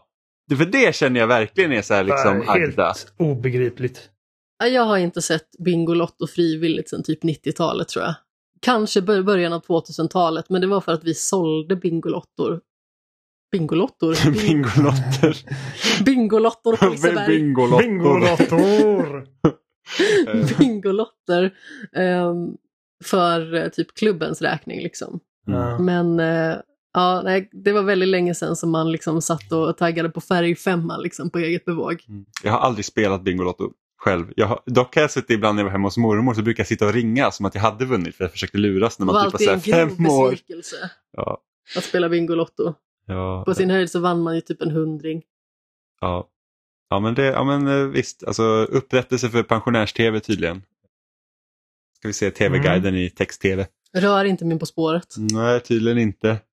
Eh, men ni hittar oss som vanligt på spesnat.com och där fick också alla länkar till där vi finns. Vi finns i din favoritpodcast-app och skulle vi inte finnas där så kan ni alltid mejla in till kontaktetspesnat.com och eh, säga att vi finns inte på app X och så kan vi fixa det säkert. Eh, annars kan ni också mejla in om olika frågor. Vi har fått eh, en del meddelande om eh, vår God of War spoilercast som folk har uppskattat, vilket är kul. Jag kan dock inte läsa upp kommentarerna för att då spoilar vi även i det här avsnittet. Så, eh, men tack för det. det är, det, är roligt att höra att eh, det uppskattas och få se alla liksom, teorier och sånt som även folk har. Jag nämnde ju också att eh, Skämshögen ska släppa Shame of the Year och eh, årets pepisod naturligtvis. Men jag vill också säga att Skämshögen har också släppt avsnitt nummer 100, så lyssna på det. Eh, det är jag, det är Jimmy, det är Tobias Bagmen och det är Anders Brunlöv, båda från Svampriket. Så lyssna på det, där har du ungefär tre timmar av härliga tider. Och med det sagt så hörs vi igen om en vecka. Hej då! Puss i ömsken! Hej då!